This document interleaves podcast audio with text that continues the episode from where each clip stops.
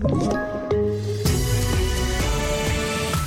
Här börjar vi med att EU-kommissionen presenterade idag ett förslag på hur resandet ska komma igång igen efter pandemin. Tanken är att resesugna EU-medborgare genom EUs nya gröna certifikat på ett enkelt sätt ska kunna visa upp sina uppgifter om eventuell vaccinering, nytagna tester och om man tidigare haft covid-19 och har antikroppar. Certifikatet ska kunna utfärdas både digitalt och på papper med en QR-kod. Och mer om det här kan du se på tv4.se. Och ytterligare 56 dödsfall med bekräftad covid-19 har rapporterats i Sverige sedan igår, det meddelar Folkhälsomyndigheten.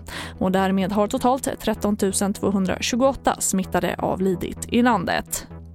Och en 17-årig pojke har förts till sjukhus efter att ha knivskurits i magen utomhus i centrala Älmhult enligt Smålandsposten.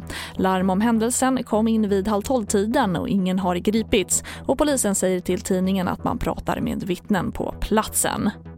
Och vi avslutar med att antalet studenter som fuskade ökade kraftigt under våren förra året när undervisningen blev digital.